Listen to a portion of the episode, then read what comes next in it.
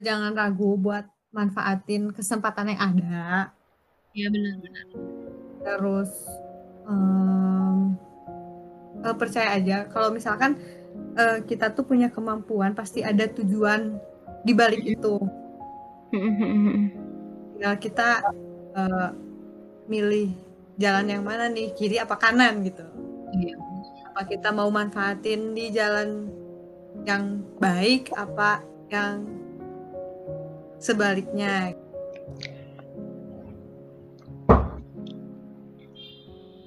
Assalamualaikum sahabat Latifa. Nah, kali ini Latifapedia bakal ngasih sesuatu yang berbeda buat teman-teman para pengikut dari Latifapedia di Tell You. Nah, sebelumnya uh, di sini udah pada tahu belum Latifapedia itu apa? Nah, Latifapedia itu adalah uh, divisi dari kemuslimahan pusat di Alfa Telkom University. Nah, jadi di sini tuh Latifapedia khusus untuk memberikan konten-konten buat para wanita muslimah yang ada di Telkom University. Nah, kali ini dari Latifapedia bakal ngebuat suatu podcast di mana podcastnya ini bakal mengundang bintang tamu yang dapat menginspirasi para pendengar di sini dan insya Allah dapat mengambil hikmah dari cerita-cerita para pembicara yang insya Allah dapat menginspirasi kita semua. Nah, sebelum jauh-jauh ke sana, sebelumnya perkenalkan diri dulu. Nama saya Yunis dari jurusan S1 Sistem Informasi angkatan 17. Nah, sekarang uh, saya tuh angkatan yang paling tua gitu ya. Angkatan yang paling tua ada di Telkom University kayak gitu. Nah, di sini saya bakal memperkenalkan uh, gambaran pembicara hari ini. Nah, untuk pembicara kali ini tuh ada Mbak Pidia. Nah, Mbak Pidia ini uh, korwat LDK Telkom Gen ke-7. Jadi ini ibu negaranya Alphatelio untuk generasi ketujuh kayak gitu. Nah, untuk Mbak Pidia boleh diperkenalkan dirinya, Mbak. Assalamualaikum. Waalaikumsalam, Mbak. Masya. Ya, boleh perkenalkan diri Mbak Pit. Ya, Assalamualaikum warahmatullahi wabarakatuh semuanya. Assalamualaikum uh, warahmatullahi wabarakatuh. Uh, kenalin nama aku Vidya Fawanti, biasa dipanggilnya Vidya. Uh, aku dari jurusan Desain Interior 2017. Eh, sama kita ya. Iya. Angkatan tua kita nih sekarang nih. Mbak Pidia, saya dari mana nih Mbak Pidia? Oh, asal aku dari Ciamis. Tahu nggak sih Ciamis gimana? Eh, tahu nggak? Gimana Mbak Pidia? ya, boleh digambarkan secara uh, deketan Tasik. Kayaknya orang-orang eh nggak tahu deh. Nggak tahu. ya. Oke okay, deh. Google Map. Nah, Mbak Pidia nih sekarang menjabat sebagai apa nih Mbak di Alfatelium? Alhamdulillah. Alhamdulillah. uh, menjabatnya jadi apa ya Mbak? Tim Horeng. Koordinator Ahwat, iya. Horengnya ketua Alfat. jadi uh, koordinator Ahwat di Alfat Gen 7. Allah. Jadi ibu negaranya di Alfat sekarang ya. yang menjaga para akhwat-akhwat. Amin ya merasa terjaga. nah, apa aja nih kesibukan Mbak Pidia selama pandemi nih? Hmm, kesibukan. KP ya, lagi KP ya? Iya, lagi KP yang nggak tahu KP, KP itu magang. Terus... Oh iya, ah, KP itu kerja praktek guys. Hmm, yes. magang terus, iya maaf.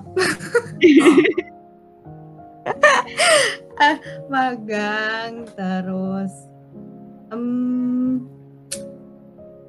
ya ngurusin Alfat, ngurusin gak tuh? Iya. Yeah ya gitu lah terus saya ada beberapa proyek lah yang dikerjain Nah, Masya Allah, semoga selalu dilancarkan ya Mbak Pidia segala Nah, oke. Okay. Jadi ini langsung aja nih ya, Mbak. Oh ya, kita tuh sebenarnya udah kenal gitu ya kan, Mbak Pit. Jadi sebenarnya buat podcast ini tuh rada-rada rada-rada pengen ketawa tapi ditahan gitu ya. dulu tuh ya ampun. dulu tuh awal Mbak kenal Mbak Pidia tuh waktu Islam, Mbak. Islah ya, Mbak. Waktu apa sih ya. dulu kita tuh, Mbak? Itu loh, apa sih pas promosi yang ini browser ke maba. Bagian browser, Terus, terus kita tuh pertama datang ya, Mbak Pit. Pertama yeah. datang, terus kayak kiku gitu dulu pas awal-awal. Iya, terus malu-malu. Pas promosi ya receh dua-duanya. Sama-sama ternyata apa yeah. recehannya sejoli.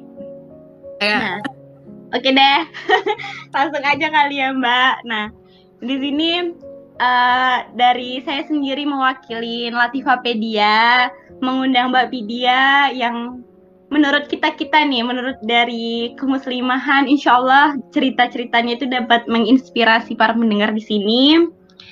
Nah, jadi awalnya tuh pengen nanya apa ya?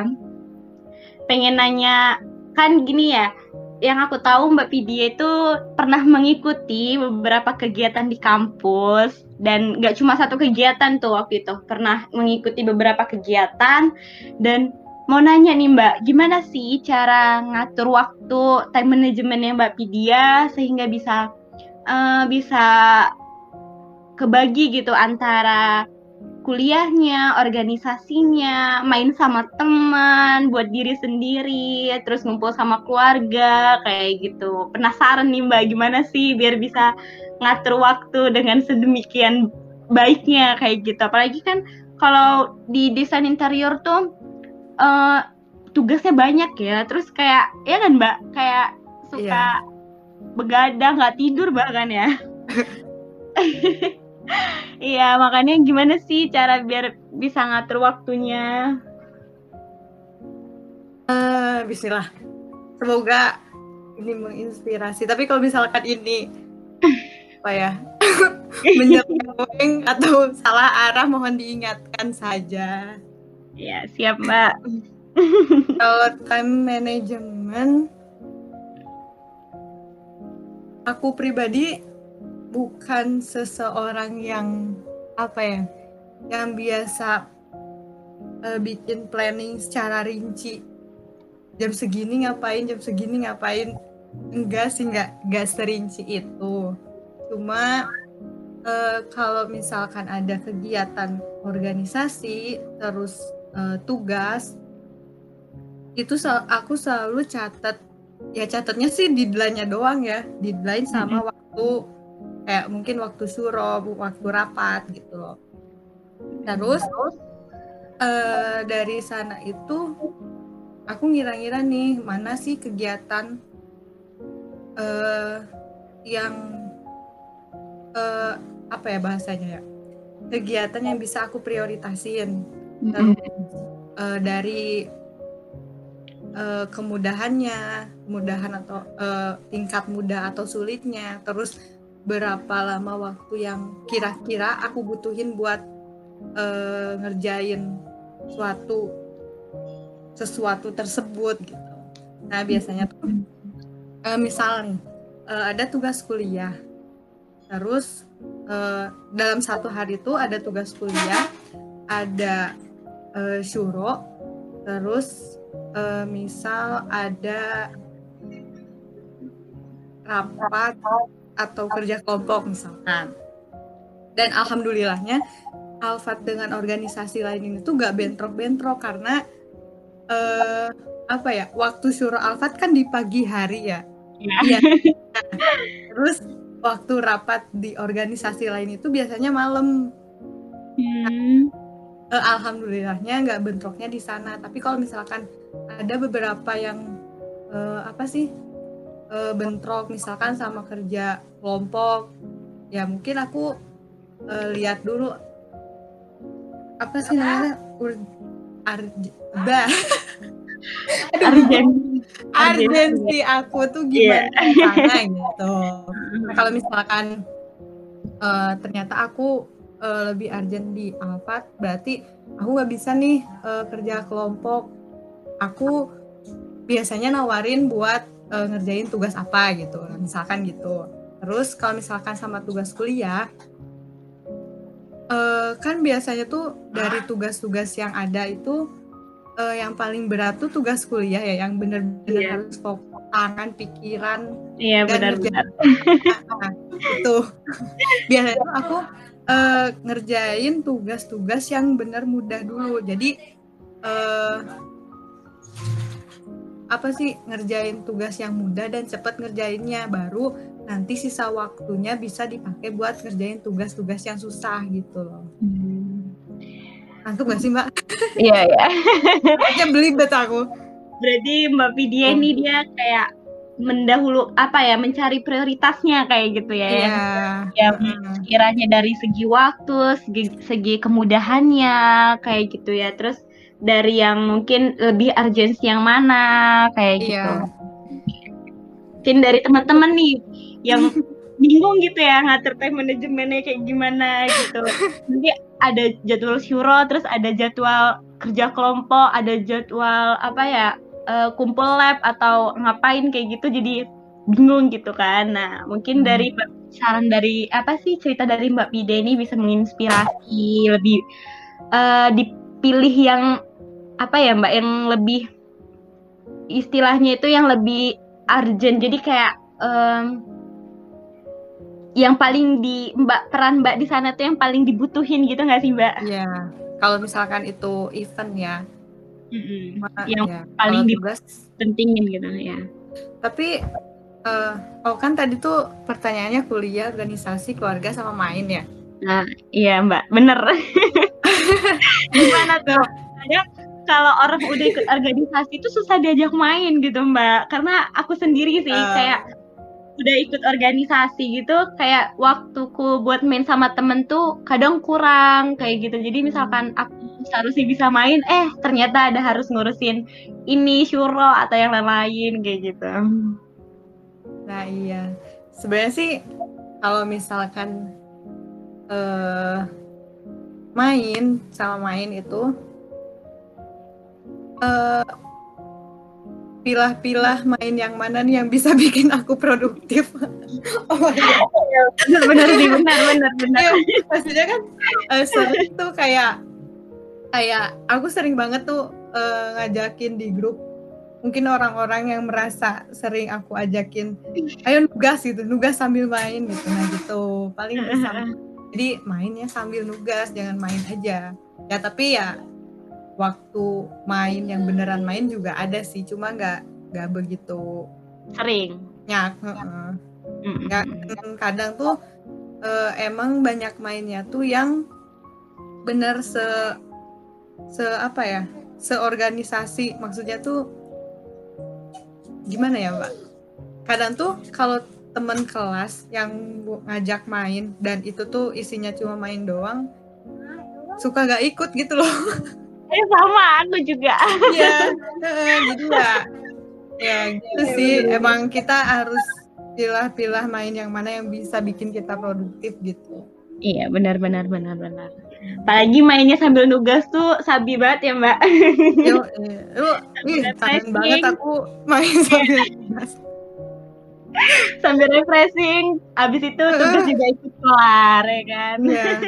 dan aku kan tipe tipe orangnya tuh kayak apa ya nggak tahu sih ini uh, tentang masalah per introvert extrovert kan tapi ya aku uh, ada uh, apa ya mulihin energinya tuh dari dengan berinteraksi dengan banyak orang gitu loh. Hmm. eh ya udah jadi kalian main. ketemu sama orang gitulah ya mbak. Iya uh suka yang rame-rame berarti Mbak Vidya nih. Iya. ya, Apalagi suka suka kerjain tugas di MSU. Oh iya bener. Aduh. Harus sambil itu ya, sambil kita nyambi yang masalah kos kaki itu kan sampai iya, jam berapa. Nah itu bisa jadi opsi gitu. Sambil iya bener. Ngerjain, ngerjain proker sambil nugas di MSU. Nah, iya. eh pak gitu PMS lagi pak iya ih kangen juga sebenarnya gitu kan walaupun banyak Iya. nyamuk pakai mau kena putih biar nyamuk-nyamuk pada nggak ngedeketin habis itu jajan kopi ya ampun. Iya benar itu. Ya. Sangat merindukan. lagi pandemi ya. Kenapa? Iya sayangnya lagi pandemi jadi ya lagi udah lama ini udah berapa bulan. Gak nugas dia. Ya udah lama banget aku tuh dari bulan tiga baliknya kemarin kamu Iya, iya bulan tiga juga ya Mm-mm. Bulan tiga udah lama juga ya terus nggak bisa kayak gimana ya mbak nanti balik kita udah udah beda ini rutinitas gitu loh mbak tahun depan tuh kayak Iya. udah eh tinggal udah. tinggal TA loh tahu-tahu Iya. TA bener Iya. bener bener udah nggak proker prokeran lagi gitu tahun depan ya kan mbak Hmm. Udah PJ Eh, amin eh amin gimana gimana gitu maksudnya ini maksudnya semoga LPD-nya lancar nanti Astagfirullah Mbak tolong Mbak yang ini Mbak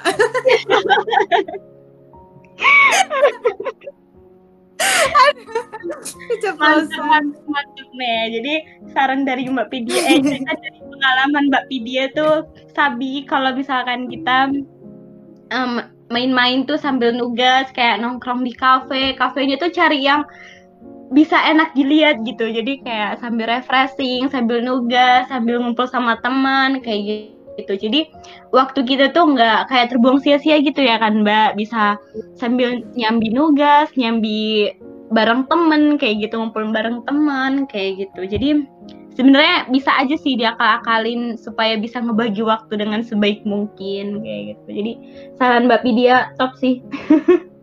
Insya Allah. Semoga itu tidak Iya, menyesat. bener-bener. jadi semuanya tuh bisa dikerjakan dalam suatu waktu kayak gitu. Tapi harus fokus dulu Maksudnya eh Gimana ya Mbak ya? Ya tuh bisa kan mabit misal. Ya kita suruh sambil ngerjain tugas. Nggak gitu tapi kita suruh dulu fokusin abis itu nugas deh gadang bareng-bareng. Nah itu Iya maksudnya benar benar. Iya benar. Apalagi kalau mabit ya, kalau mabit ada misalkan tugas kayak Mbak mungkin merancang. Kalau kami ini Hmm. anak teknik itu apa sih? Eh, misalkan tugas pendahuluan buat praktikum kayak gitu Hmm, kan ya. iya. Suka suka begadang, nggak tidur kita kalau mabit. Mantap sih.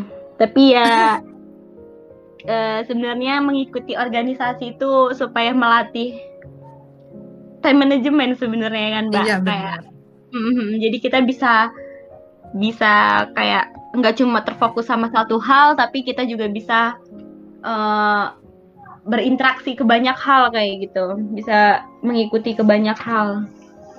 Banyak plusnya lah buat iya benar-benar nah gini mbak Fit. Kan ya aku pernah punya sih dulu tuh satu teman asramaku tuh. Dia anak DI juga tuh. Hmm. Nah, yang aku lihat tuh dari anak DI itu bener-bener eh, kerjanya tuh lembur banget dan kalau misalkan udah tugasnya nggak di ACC sama dosen tuh kayak ya ampun pusing banget gitu ngelihatnya sampai nangis sampai kayak udah stres berat kayak gitu. Kayak aku ngelihat aja tuh kayak ya ampun segini beratnya kah di DI itu? Kayak gitu kan. Apalagi eh, ngelihat eh, Mbak Pidia nih ikut di Alfa di Alfa tuh juga nggak nggak terlalu santai kayak gimana ya? Maksudnya banyak hal yang dikerjakan kayak gitu. Walaupun nggak banyak orang yang tahu ya. Di Alfa tuh banyak sesuatu yang dikerjakan banyak sesuatu yang diurus. Dan di dalam Alfa tuh kayak banyak kegiatan yang ibaratnya tuh kayak terus-terusan gitu terus menerus kayak gitu. Nah gimana sih maksudnya kayak Mbak Pidia tuh em, menyemangati diri sendiri gimana ya dalam artian tuh kayak pasti capek pasti kayak Hmm. em, pusing banget iya pasti kan kayak banget kayak gitu nah itu tuh gimana sih support system itu apa kayak gitu dari Mbak Vidya hmm. sendiri? Um, support system ya. Eh tapi aku yeah. mau nanya, uh, aku di DI eh maksudnya dengan aku banyak berorgan eh banyak uh, mengikuti beberapa organisasi terus kuliah di DI yang ya sebut aja lah berat ya. Iya. Yeah. nggak semuanya aku 100% apa ya? 100% effort di satu di semuanya gitu loh. Pastilah ada ada yang kurang-kurangnya gitu. Mm. Terus kalau misalkan support system kalau lagi capek terus lemah letih lesu mulai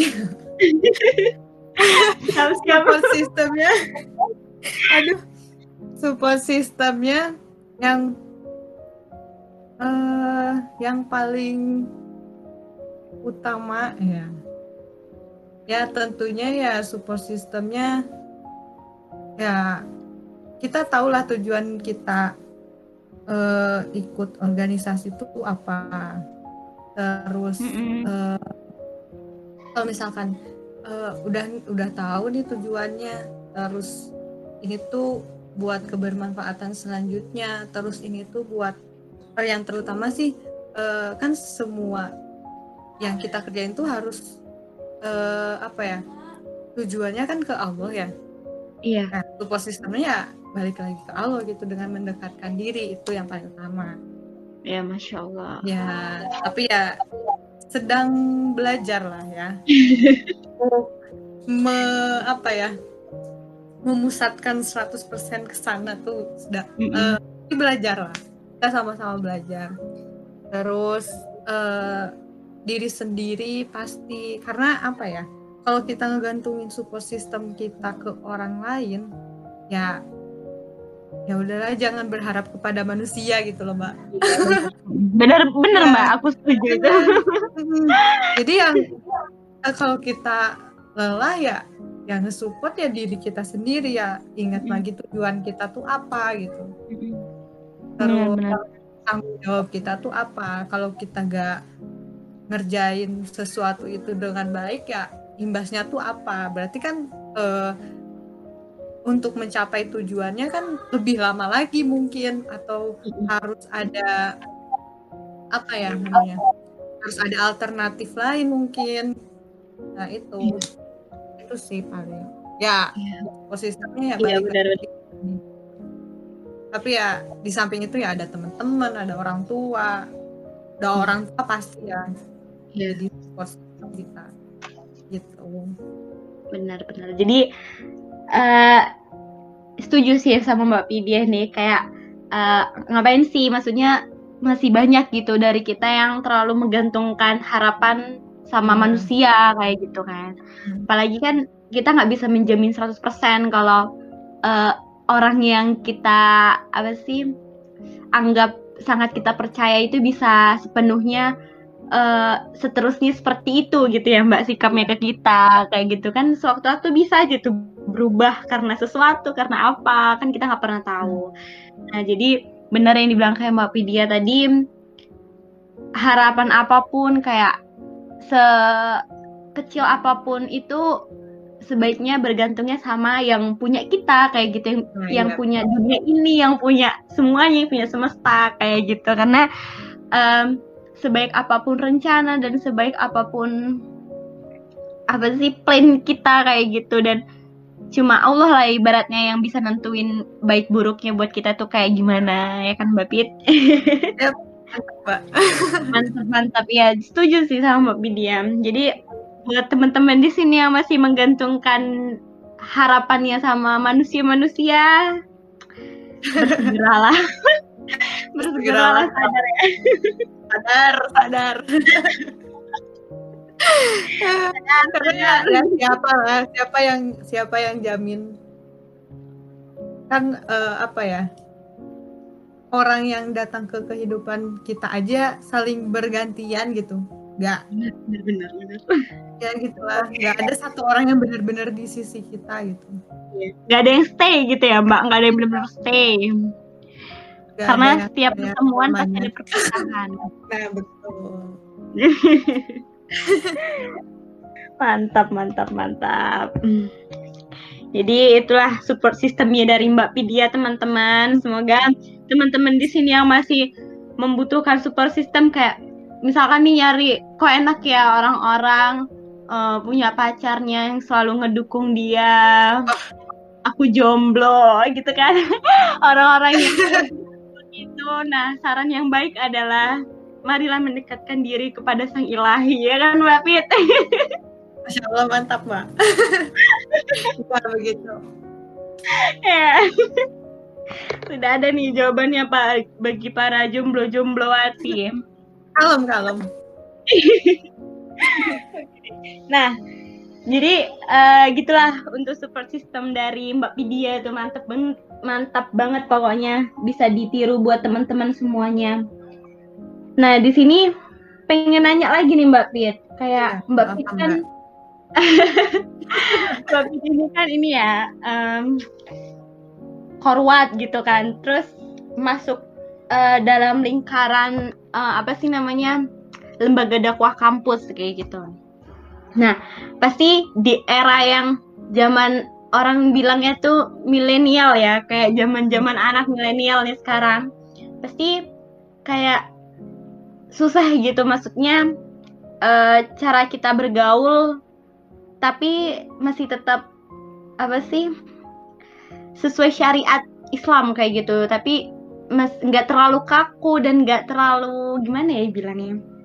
Ya pokoknya masih bisa bergaul lah gitu. Nah dari Mbak Pidia sendiri nih gimana sih cara Mbak Pidia itu bersosialisasi sama lawan jenis kayak gitu? Kan eh, kalau misalkan dari aku pribadi ya eh, kita tuh hidup kan udah diciptain sama Allah tuh antara laki-laki sama perempuan. Sedangkan posisinya kita tuh sekarang belum punya pasangan yang halal kayak gitu kan. Jadi kita tuh masih jadi perempuan sendiri gitu. Belum ada sesosok laki-laki yang eh, bisa ngebantu kita yang ibaratnya perempuan itu nggak bisa ngerjain itu sendirian kayak gitu kan Mbak Pit karena kayak aku mikirnya gini sih eh, Allah tuh nyiptain perempuan sama laki-laki pasti eh, ada maksud dan niatan kayak gitu kan. Dan eh, yang aku pikirin tuh kayak ada hal-hal yang perempuan itu nggak bisa lakuin tapi laki-laki bisa lakuin sedang dan juga ada yang hal-hal laki-laki nggak bisa lakuin tapi perempuan bisa lakuin kayak gitu. Nah kan di sini juga masuk gitu dalam cara kita berteman terus dengan cara kita eh, apa sih namanya bersosialisasi kayak gitu. Pasti sewaktu-waktu kita eh, ngebutuhin laki-laki kayak gitu kan. Nah tapi kalau misal tapi nggak semata-mata di saat kita butuh aja gitu kita baru ngedatangin teman laki-laki kita ini gitu pasti ada proses dari pertemanan dulu kayak merasa nyambung dan yang lain kayak gitu kan. Baru kita bisa merasa dekat. Dekat tuh bukan dalam artian yang gimana gimana ya maksudnya dekat tuh berarti temen gitu maksudnya temen lah gitu. Nah dari mbak Vidya sendiri nih em, gimana sih cara bersosialisasi antara laki-laki dan perempuan tapi tetap bisa menjaga batasan gitu tetap bisa sesuai syariat kayak gitu Hmm. Eh, gimana ya caranya? dari Kalau pengalaman aja deh. ya. Eh, Kalau aku emang kan eh, dari dulu aku eh, pergaulannya apa ya? Tidak terlalu Islami jujur. Maksudnya kan Mm-mm. eh, SMP di negeri ya SMA Islam sih alhamdulillah. Tapi ya mas kayak gitulah maksudnya eh, SMA-nya belum pure dipisah ikhwan dan akhwat gitu. Mm-mm. Tapi nah, eh, caranya gimana ya? Caranya ya ya udah kalau misalkan eh, um, ya berteman aja gitu bersosialisasi aja kalau misalkan ada sesuatu yang didiskusikan. Kalau kalau misalkan uh, baru kenal sih ya paling uh, kena uh, apa ya waktu untuk kenalannya ketika kita punya apa ya sesuatu yang harus didiskusikan. Terus uh, cara diskusinya gimana ya? Ya udah ngobrol aja sesuai apa ya sesuai dengan bahasanya mereka gitu. Gimana ya mbak ya? Kok aku belibet gini? Sesuai ini ya kayak gimana cara mereka berteman gitu nggak sih mbak Pit? Ya pak sesuai dengan cara bahasan yang lagi dibahas gitu ya gimana? Ya ya tentu lah ya kita ngobrol ya. Uh, harus nyambung terus. Uh, gimana ya?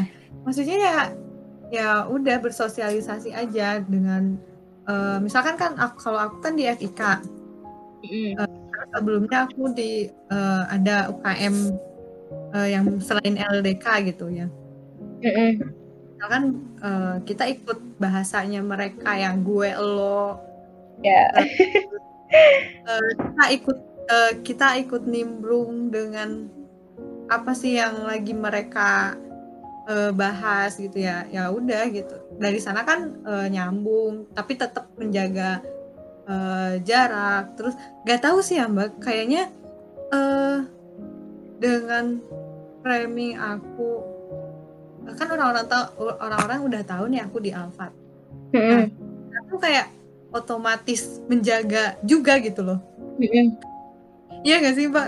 Ngerasain? Iya benar-benar. Iya. Tapi ya kita ya tetap bersosialisasi yang dinamis aja, jangan kaku-kaku banget gitu. Iya benar-benar. Iya benar-benar. Hmm. Setuju. Terus Jadi, uh, ya gimana? Hmm, iya, kadang tuh kalau misalkan di kelas tuh kan anak FIK lah begitulah ya. maksudnya ya, random lah serandom itu ya kadang tuh di kelas nih ya. Mm. banyak tuh kayak ke aku tuh Assalamualaikum Uhti gimana? Yeah. kajiannya yeah. kemarin. Iya sama mbak. Itu tuh dari 8 jenis gitu. Kayak ya aku tanggepin aja Alhamdulillah kemarin dateng gak gitu loh. Ya udah. dia bukan deh ya. Kalau aku kayak gitu cuma ketawa doang loh mbak. Karena bingung mau mau nanggepin apa iya. gitu kayak ya udah ya. Oh alhamdulillah gak jadi asisten. Kalau kayak gitu lah maksudnya kalau misalkan diajak bercanda ya ya udah kita juga bercanda gitu. Ajakin ajakin bercanda aja gitu lah ya kan. Biasa aja hmm. gitu ya kan mbak? Ya, tapi ya biasa aja, aja jangan kebablasan gitu. Iya santai aja. Terus kalau misalkan chat gak, per, gak pernah sih ah uh, selama kuliah ini nggak ada chat. Ya uh, sama lawan jenis yang apa ya yang selain ada butuhnya. Eh gimana ya mbak?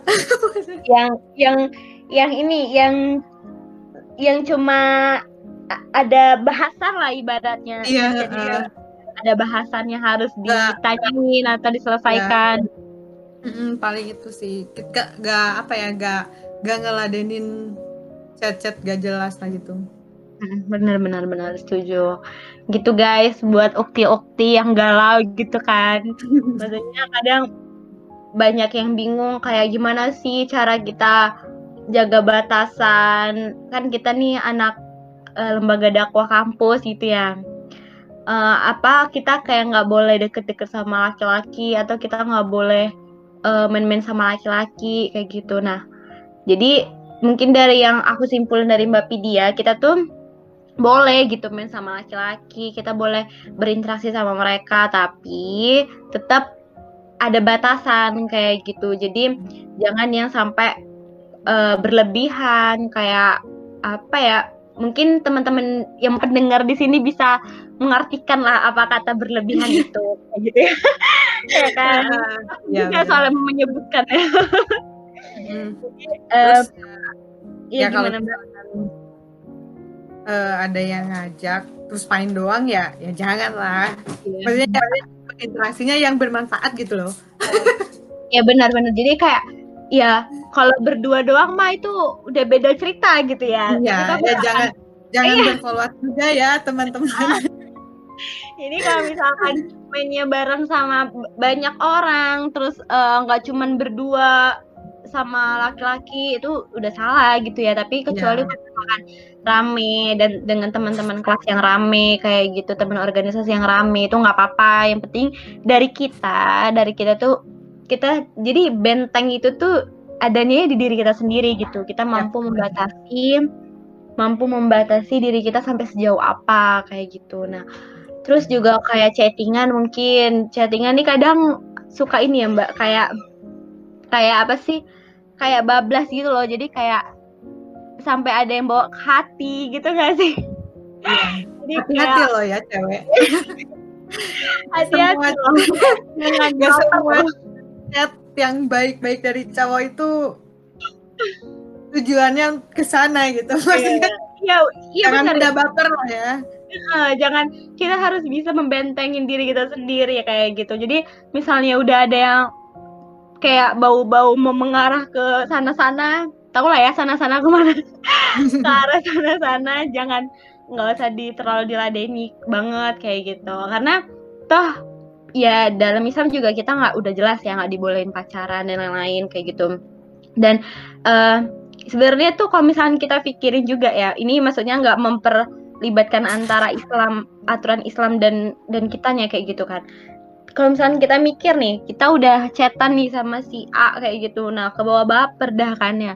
Ke bawah baper ternyata si cowoknya ini nggak nggak punya niatan seperti yang kita pikir gitu ya, Mbak. Gitu. Hati-hati, guys.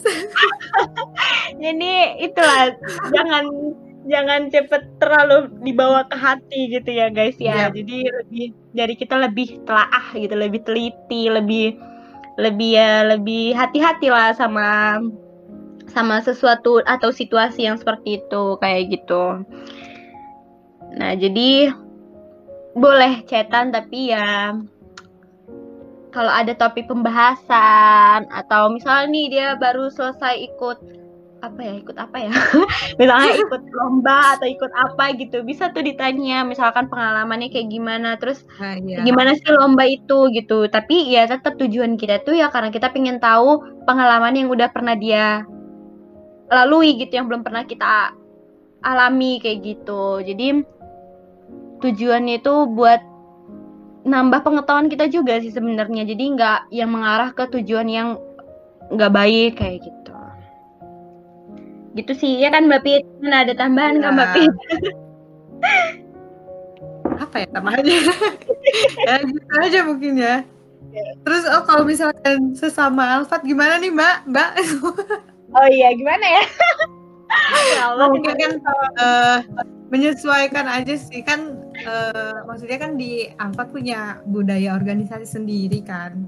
Mm -hmm. ada budaya-budaya yang kita kenal jangan antar eh budaya-budaya kita kenal antara interaksi antara Ikhwan sama Akhwat dari hijab atau apa lagi ya mbak ya? ya iya kadang. Huh? Iya kadang maksudnya kadang uh, itu ini sih mbak. Aku menurut aku ya yang paling bahaya tuh sebenarnya chattingan sih ya. Iya benar. Mm -mm, jadi juga itu buat menjaga kita sebenarnya. Kenapa mbak? Iya kan ada apa sih Jamal? Oh iya, ha, iya benar. Itu ya untuk menjaga. Mm-mm. Jadi ya itulah guys kayak lebih kita harus lebih pintar apalagi perempuan ya harus lebih hati-hati lebih pintar kayak membedakan gitu mana yang baik sama yang nggak baik harus dilakuin kayak gitu. Yuk. Gitulah guys. Kita juga masih belajar ya Mbak Iya, Masih belajar kok masih belajar kok guys tidak menggurui kita iya, sama-sama ya, bukan menggurui bukan yeah. ceramahi kita sama-sama belajar yeah, benar. kalau aku salah masih juga sama. tegur aja Iya, kita masih sama-sama belajar guys. Jadi kayak hmm. mungkin pengalaman kita yang udah pernah kita lewati, yang pernah pernah kita tahu kayak gitu, kita ceritakan lah di sini.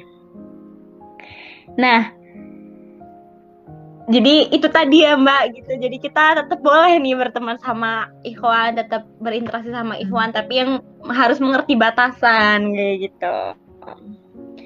Terus um, yang terakhir nih Mbak, um, apa sih motivasi gitu, motivasi Mbak bisa sampai ada di uh, apa sih di situasi yang kayak sekarang ini gitu. Sekarang kayak udah jadi korwat, alhamdulillah. Terus uh, apa sih? Pasti kan banyak gitu, kayak banyak hal yang Mbak lalui gitu kan. Maksudnya dari dulu yang seperti apa sampai sekarang yang jadi seperti apa kayak gitu. Apa sih motivasi dari Mbak Pidia ini sendiri? Um. Aduh, motivasinya uh, mungkin apa ya? Balik lagi ke apa sih visi misi hidup? Ya. Ya ampun banget. Ya, mantap mantap. Ya maksudnya ya maksudnya uh, kita kan uh, masing-masing orang pasti punya visi misi hidup lah ya. -mm. terus uh, yang baiknya udah disusun tuh kita tuh mencapai visi itu tuh harus gimana aja. Nah mungkin ya ya motivasi motivasi itu didapat dari sana gitu. Sebenarnya tuh kita tuh nanti mau jadi apa? 10 tahun ke depan, depan. ya beberapa tahun ke depan itu mau seperti apa? Terus caranya kita uh, meraih itu tuh gimana? Nah itu ya dijadiin motivasi lagi gitu. Karena uh, dari setiap kegiatan yang aku lakuin pastilah ada ada tujuan tersendiri ada motivasi tersendiri beda-beda tapi ya balik lagi untuk mencapai visi hidup sendiri gitu mm Anggap gak sih mbak? Iya iya iya. Jadi kayak kita tuh harus ini kan kayak punya visi misi kayak gitu ya Mbak Fit. Nah, Yang yang jadi kayak uh, apa sih namanya bilangnya tuh kayak biar memotivasi kita gitu. hmm, terus kan ya kalau udah ada visi misi ya semua kegiatan yang kita lakuin tuh jelas tujuannya ke mana gitu. Nah itu yang bikin semangat itu di sana mungkin ya. Ya mantap mantap mantap. Diingat lagi setelah ini tuh kita tuh akan dapat apa gitu. Tapi ya eh, semua hasil kan eh, apa ya tergantung eh, pada Allah lah ya. Kita cuma apa ya mengusahakan yang terbaik lah motivasi. Ya dari orang-orang dari keluarga, dari orang terdekat. Cuma ya gitulah.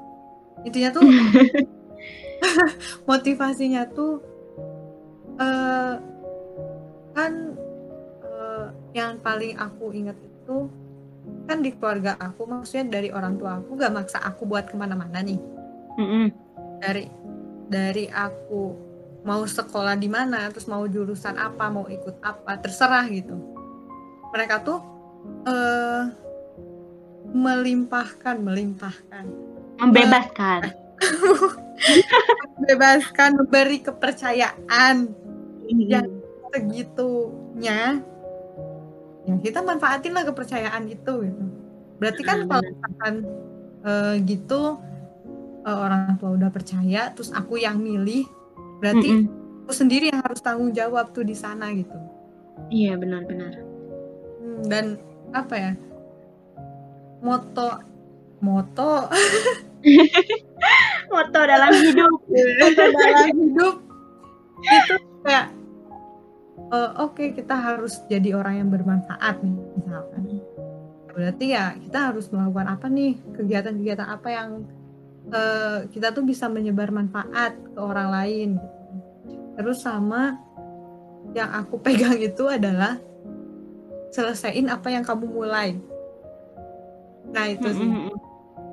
jadi Iya ya benar-benar benar. saat eh, capek-capeknya di tengah-tengah gitu aku inget ke situ gitu selesaiin apa yang kamu mulai gitu amanah apa yang lagi kamu pegang gitu Mm.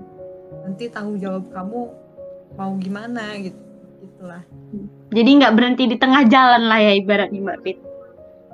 iya Seberat apa pun rintangan tetap dijalani. karena ya balik lagi karena kita sendiri yang milih gitu Iya benar benar benar. kalau dipaksa ya ya tapi ya Baru bisa gitu ya kan Mbak. tapi ya dipaksa terus kita nerima ya ya itu tetap pilihan Iya benar benar. Iya benar benar.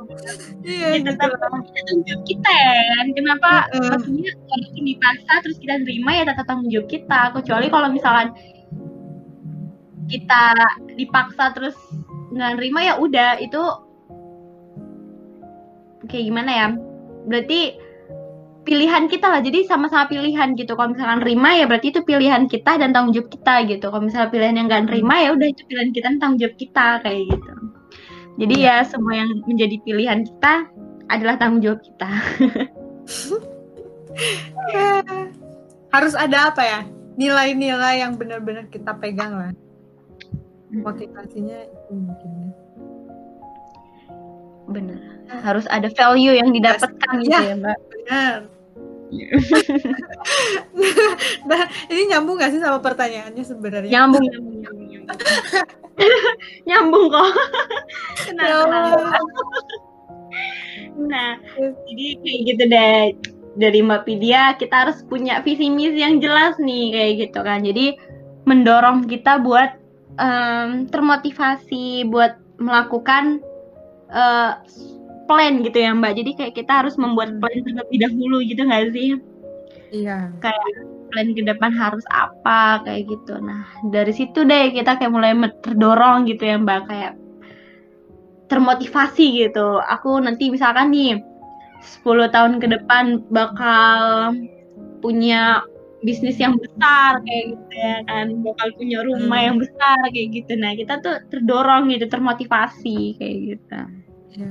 kan nggak mungkin ya kalau misalkan pengen punya bisnis yang besar tapi ya nggak ngulik ke mana-mana gitu. Gak dimulai dari bawah lah ibaratnya gitu ya, iya heeh. kan percuma ya. Maksudnya tanpa ada step-step berurutan. Ya, Setuju. itulah pokoknya Setuju. aku bingung aku ngomong apa Nah, Mbak, eh, gini nih, terakhir nih. Eh, tadi udah terakhir ya, ini terakhir lagi. yang paling akhir nih. Apa sih, gimana sih em, kasih apa sih ya, maksudnya tuh masukan gitu, biar kita tuh bisa eh dalam artian gini ya, bisa menjadi perempuan yang independen. Maksudnya tuh perempuan yang independen tuh yang kayak em, kayak gimana ya? Kayak bisa berdiri sendiri gitu loh. Kayak bisa melalui sesuatu itu kayak ya udah kayak gimana? Bukan ya udah juga sih kayak eh, kayak gimana ya? Kayak ikhlas gitu. Terus kayak dijalaninya itu tanpa eh, ngeluh enggak sih? Pasti kita bakal pernah ngeluh gitu ya. Tapi kayak bisa jadi perempuan yang tetap kuat tapi apa ya mbak? Pokoknya tuh bisa jadi perempuan yang tetap kuat tapi eh, bisa bermanfaat kayak gitu. Jadi di kayak gimana pun kondisinya dia tuh bisa menjadi eh, sesosok perempuan yang yang bisa berdiri sendiri lah gitu yang bisa eh, eh, memberikan kebermanfaatan buat orang-orang di sekitarnya gitu. Jadi Mbak Vidya kayak gimana buat teteh-teteh di sini yang mungkin lagi ngedengerin bisa memotivasi mereka yang pengen menjadi orang yang lebih bermanfaat kayak gitu. Jadi wanita independen yang yang ibaratnya itu bisa berdiri sendiri, yang tangguh, yang kuat kayak gitu. Em, Hmm. pertanyaannya lumayan susah ini apa ya dimulai dari uh, kita harus tahu ya vis, uh, balik lagi ke visi visi tuh eh visi misi hidup kita tuh apa maksudnya tujuan nanti kita di akhir banget itu tuh apa gitu mm -mm. Nah, dengan itu kita jadi tahu nih eh, bekal-bekal apa sih yang harus kita siapin buat uh, ke sana gitu. Terus ya mungkin um, mulai menyusun step-stepnya dari mana kalau misalkan uh, misal uh, mau punya bisnis. Ya kita mulai misalkan dari nanya-nanya orang yang udah berbisnis cari mentor cari seminar atau apa gitu. Terus apa lagi ya mbak ya? Dari mbak Pidia mbak. Kalau misalnya mbak kayak misalkan gimana sih dari mbak Pidia sendiri supaya bisa kuat gitu mbak? Kayak hmm. Kayak tahan banting lah gitu dalam segala kondisi dan situasi kalau buat tahan banting kalau buat perempuan apa ya? Uh, kalau dari aku pribadi, mm -hmm. bentar, aku mulai uh, sedang menyusun kalimatnya. uh, dari, dari aku, kenapa uh, bisa? Kan gini, kalau yang aku lihat ya, Mbak dia tuh uh, orangnya uh, sebenarnya 11 12 lah sama aku gitu ya. Maksudnya dalam artian suka ketawa gitu kan ya, Mbak. Ya, ya. Jadi kayak orang-orang tuh um, apa sih? Kayak ini orang apa nggak ada masalah sih dalam hidupnya gitu ya kayak Iya, kayak, ya. kayaknya kok ketawa mulu dah kayak gitu kan. Terus kayak uh, apa sih? Kayak sama sih sebenarnya Mbak. Tapi kalau Mbak Bidia tuh orangnya bisa lebih cepet jadi bersosialisasinya sedangkan aku tuh rada susah cuman uh, apa sih sama gitu kita tuh doyan ketawa gitu anaknya jadi hmm. kayak uh, suka menunjukkan bahagia eh iya kalau itu, itu masukan motivasi atau apa sih mbak? Lupa aku. Uh, motiv terserah ya kayak mbak tuh dari mbak aku sendiri cerita tuh, aja lah ya. nah, biar bisa jadi seperti itu kayak gimana gitu. Yang kadang kan ada orang yang kayak lagi ada masalah tuh kelihatan banget gitu loh mbak. Kayak uh -uh. jadi dia mengimbasnya itu ke semua hal gitu. Jadi misalkan dia punya satu problem nih dia langsung kayak semua yang ada di deket dia tuh jadi kena imbasnya gitu loh kayak ya, ya. Uh, ngerti kan ya ya uh, gini mungkin ya kalau dari aku sendiri tuh uh, oh kemarin tuh ingat uh, kajian Nahwat yang pembicaranya Kak Shiva loh. Mm-hmm. Manajemen perasaan. Mm-hmm. Nah mungkin dari sana ya manajemen mm-hmm. perasaan terus uh, kenapa kita tahan banting ya step-stepnya uh, kurang lebih ya seperti itu. Uh, yang penasaran gimana ya Mbak? Ada nggak Mbak itu rekaman kajiannya? Apa Mbak? Rekaman oh, kajian ada, ada. ya itu lah. Pokoknya uh, mungkin uh, kalau perempuan itu harus bisa manajemen perasaan ya. Kan uh, kita tuh dikenalnya tuh sensitif ya Mbak ya. Iya benar. Nah itu tuh yang harus kita taklukan kendalikan. Benar terus apa ya ya gitulah. Terus aku sendiri tuh uh, bukannya aku gak punya masalah ya hmm. tawa ya cuma Pasti ada lah ya. Ada lah ya ditunjukin aja iya benar-benar benar uh, yang paling aku ingat itu kata-kata yang kayak gini uh, ketika kita menunjukkan apa ya energi yang negatif Hmm. Misalkan lagi marah terus kita nunjukin uh, kalau kita tuh lagi marah, sedangkan orang-orang yang di sekitar kita tuh gak punya salah apa-apa gitu. Iya benar. Harus si energi negatifnya, ya mm apa gitu menyebar ke negatifan itu gitu. Ya ya udah. Selama kita masih bisa senyum ya senyum aja. Senyumin aja. Bisa mengendalikannya lah ya kan mbak. Ya, uh, karena oh, mungkin ya tiap uh, apa ya?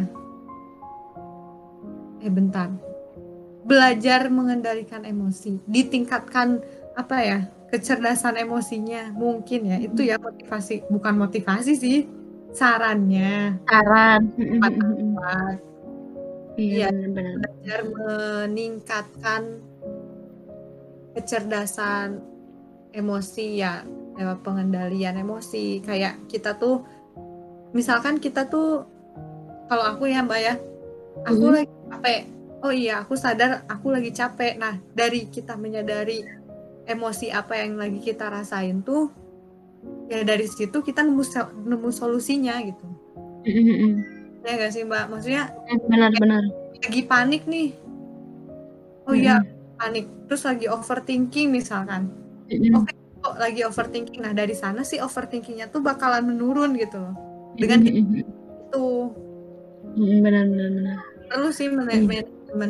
Emosi kayak gitu gitu ya aku juga masih belajar sih. Kayak uh, akhir-akhir ini tuh kayak punya ketertarikan dengan hal-hal yang berbau psikolog itulah iya bener seru ya nggak babit?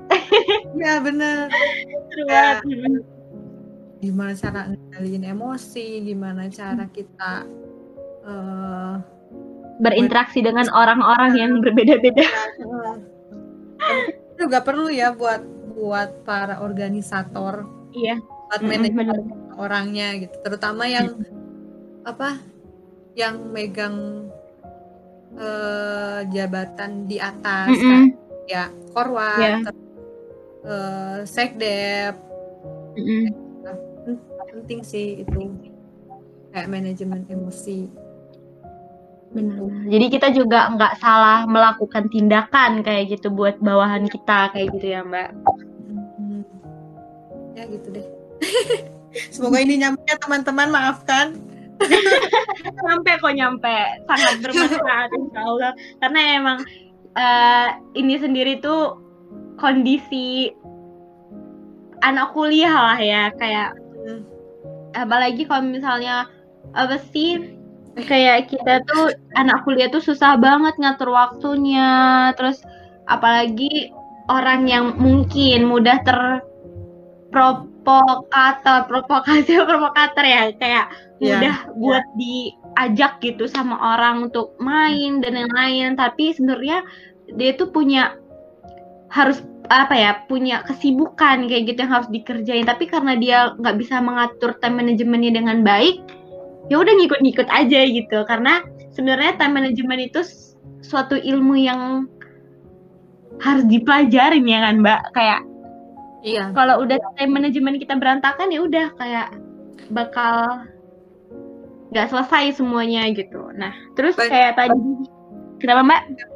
Gak maksudnya uh, banyak kok uh, buku-buku yang membahas tentang manajemen hati, manajemen waktu, yeah gitu benar, iya terus juga kayak support system. Nah kita tuh juga yang kayak tadi uh, udah Mbak Pidia sampaikan gitu.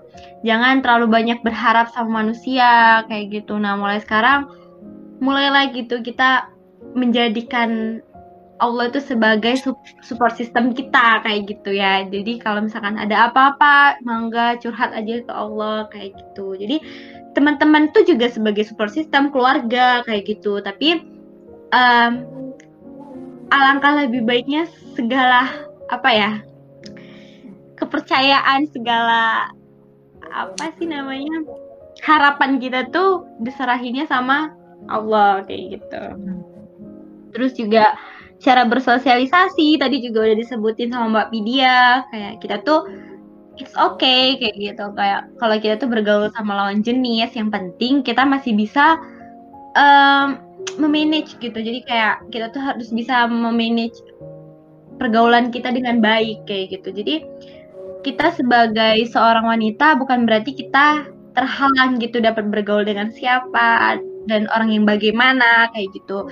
Tapi kita harus bisa menjadi orang yang positif dalam uh, ruang lingkup kita kayak gitu ya nggak sih mbak kayak yep. Iya. kita bisa bergaul di mana aja cuman kita harus bisa uh, memberikan energi positif ke sana kayak gitu jangan malah mereka yang memberikan energi negatif dan kita mengikuti energi negatif itu kayak gitu nah kemudian uh, apa tadi ya mbak tadi kayak ini dari Mbak Pidia kita tuh harus punya visi misi yang jelas guys. Jadi kayak kita bisa termotivasi ke depannya kita pengen apa dan bagaimana kayak gitu. Jadi uh, setiap hal yang kita lakuin tuh lebih tertata kayak gitu. Karena kita udah punya visi misi kita kayak gitu. Jadi lebih lebih termotivasi lah buat melakukan hal-hal itu kayak gitu.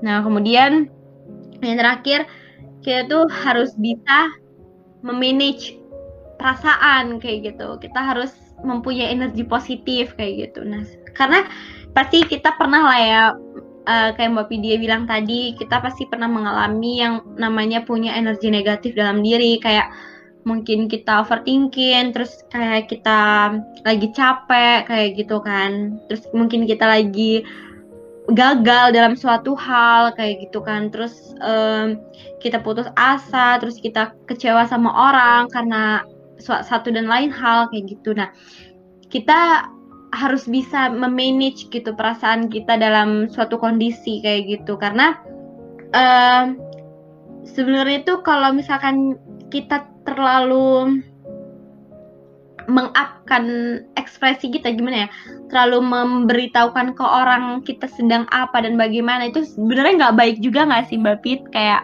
iya. sampai sedih kayak terlalu mengekspresikan ke orang kayak gitu. Terus marah juga terlalu diekspresikan ke orang-orang kayak gitu. Nah boleh sih sesekali mungkin di uh, bersama orang-orang terdekat tapi nggak kadang orang ada yang salah me, apa sih namanya me ini sih kayak misalkan nih dia lagi marah sama si A kayak gitu. Nah terus tiba-tiba dia harus menghadiri suatu acara di mana di sana banyak orang. Nah, di sana dia menunjukkan gitu kalau dia tuh lagi marah, terus dia lagi kecewa. Nah, jadi sekumpulan orang itu pun jadi merasa nggak nyaman kayak gitu kan. Nah, dari situ kita harus bisa memanage gitu perasaan kita supaya orang-orang yang ada di dekat kita tuh juga bisa merasakan energi positif gitu. Jadi bisa saling hmm, saling apa ya? saling ini sih saling menguntungkan saling membahagiakan istilahnya kayak gitu. Jadi ya udah sih kalau misalkan masalahnya sama yang ini ya udah nggak usah sampai dibawa-bawa sampai ke mana-mana kayak gitu. Mungkin dari mbak Vidya ada penutupan mbak? Penutupnya apa ya? Dari yang dibahas oleh mbak Vidya mungkin sekarang ada penutupnya. Um, uh, penutupnya. Kalau jangan ragu untuk kayak jangan pokoknya uh, jangan ragu buat manfaatin kesempatan yang ada. Iya benar-benar terus um, uh, percaya aja kalau misalkan uh, kita tuh punya kemampuan pasti ada tujuan di balik itu. Tinggal kita uh, milih jalan yang mana nih? Kiri apa kanan gitu. Iya. apa kita mau manfaatin di jalan yang baik apa yang sebaliknya gitu. Ya gitu manfaatin kesempatan aja. Terus uh, maksimalin uh, kemampuan yang ada. Kalau misalkan kita uh, tahu potensi kita di mana kemampuan kita di mana ya udah maksimalin. Mm -mm. terus ya udah jalani aja. Ya ya ya, ya udahlah. Nah, masya Allah sekali ya teman-teman cerita dari Mbak Vidya yang banyak pembelajaran yang bisa kita ambil dari cerita-cerita Mbak Vidya ini yang insya Allah bisa kita terapkan gitu ya buat um, kehidupan kita sehari-hari khususnya ini anak perkuliahan kayak gitu. Nah, sebelumnya terima kasih banyak Mbak Vidya udah berkenan Sama-sama, buat makasih juga. udah berkenan buat menjadi um, bicara di podcast pertama ini. Nah, semoga segala urusan Mbak Pidia dipermudah ya sama Allah. Amin. Mohon maaf ya teman-teman kalau ada salah-salah kata terus banyak ketawanya. Santuy lah. ya, santuy. Semoga Jadi Mbak Yunis juga dimudahkan. Amin amin amin. Nah, di sini uh, sudah di penghujung acara ya. Dari penghujung acara. Nah, di sini uh, dari Latifapedia juga mengucapkan terima kasih buat teman-teman yang sudah mendengarkan podcast ini. Semoga uh, podcast pertama kita ini tuh dapat menginspirasi teman-teman yang mendengarkan dan bisa menjadi mungkin yang punya pertanyaan-pertanyaan uh, belum terjawabkan bisa dapat jawabannya di podcast kita ini ya Mbak. Yuk. Semoga ya. Semoga. Nah, uh, jadi uh, di sini kalau misalkan teman-teman punya pertanyaan atau punya apa sih namanya kayak pengen mengangkat suatu tema untuk dibahas di podcast, mangga bisa di apa sih bisa dihubungin aja lewat OA lainnya dari Latifapedia yaitu at Latifapedia underscore tell you. Jadi L A T I F A P E D I underscore T E L U. Nah itu uh, eh, ID line dari Latifapedia nah untuk Instagramnya juga ada di at latifapedia latifapedia underscore tell you. Jadi sama aja tuh antara si lain sama si Instagram. Nah untuk teman-teman yang punya pertanyaan atau punya saran dan masukan mangga bisa di mangga bisa dimasuk uh, bisa dihubungin aja ke OA lain dari si Latifapedia dan bisa DM ke IG-nya. Nah, Terima kasih banyak buat semuanya. Semoga podcast hari ini memberikan kebermanfaatan dan selalu semangat buat para perempuan-perempuan yang mendengarkan ini dan semoga bisa uh, menambah motivasi kita buat melangkah ke depannya. Terima kasih semuanya. Assalamualaikum warahmatullahi wabarakatuh.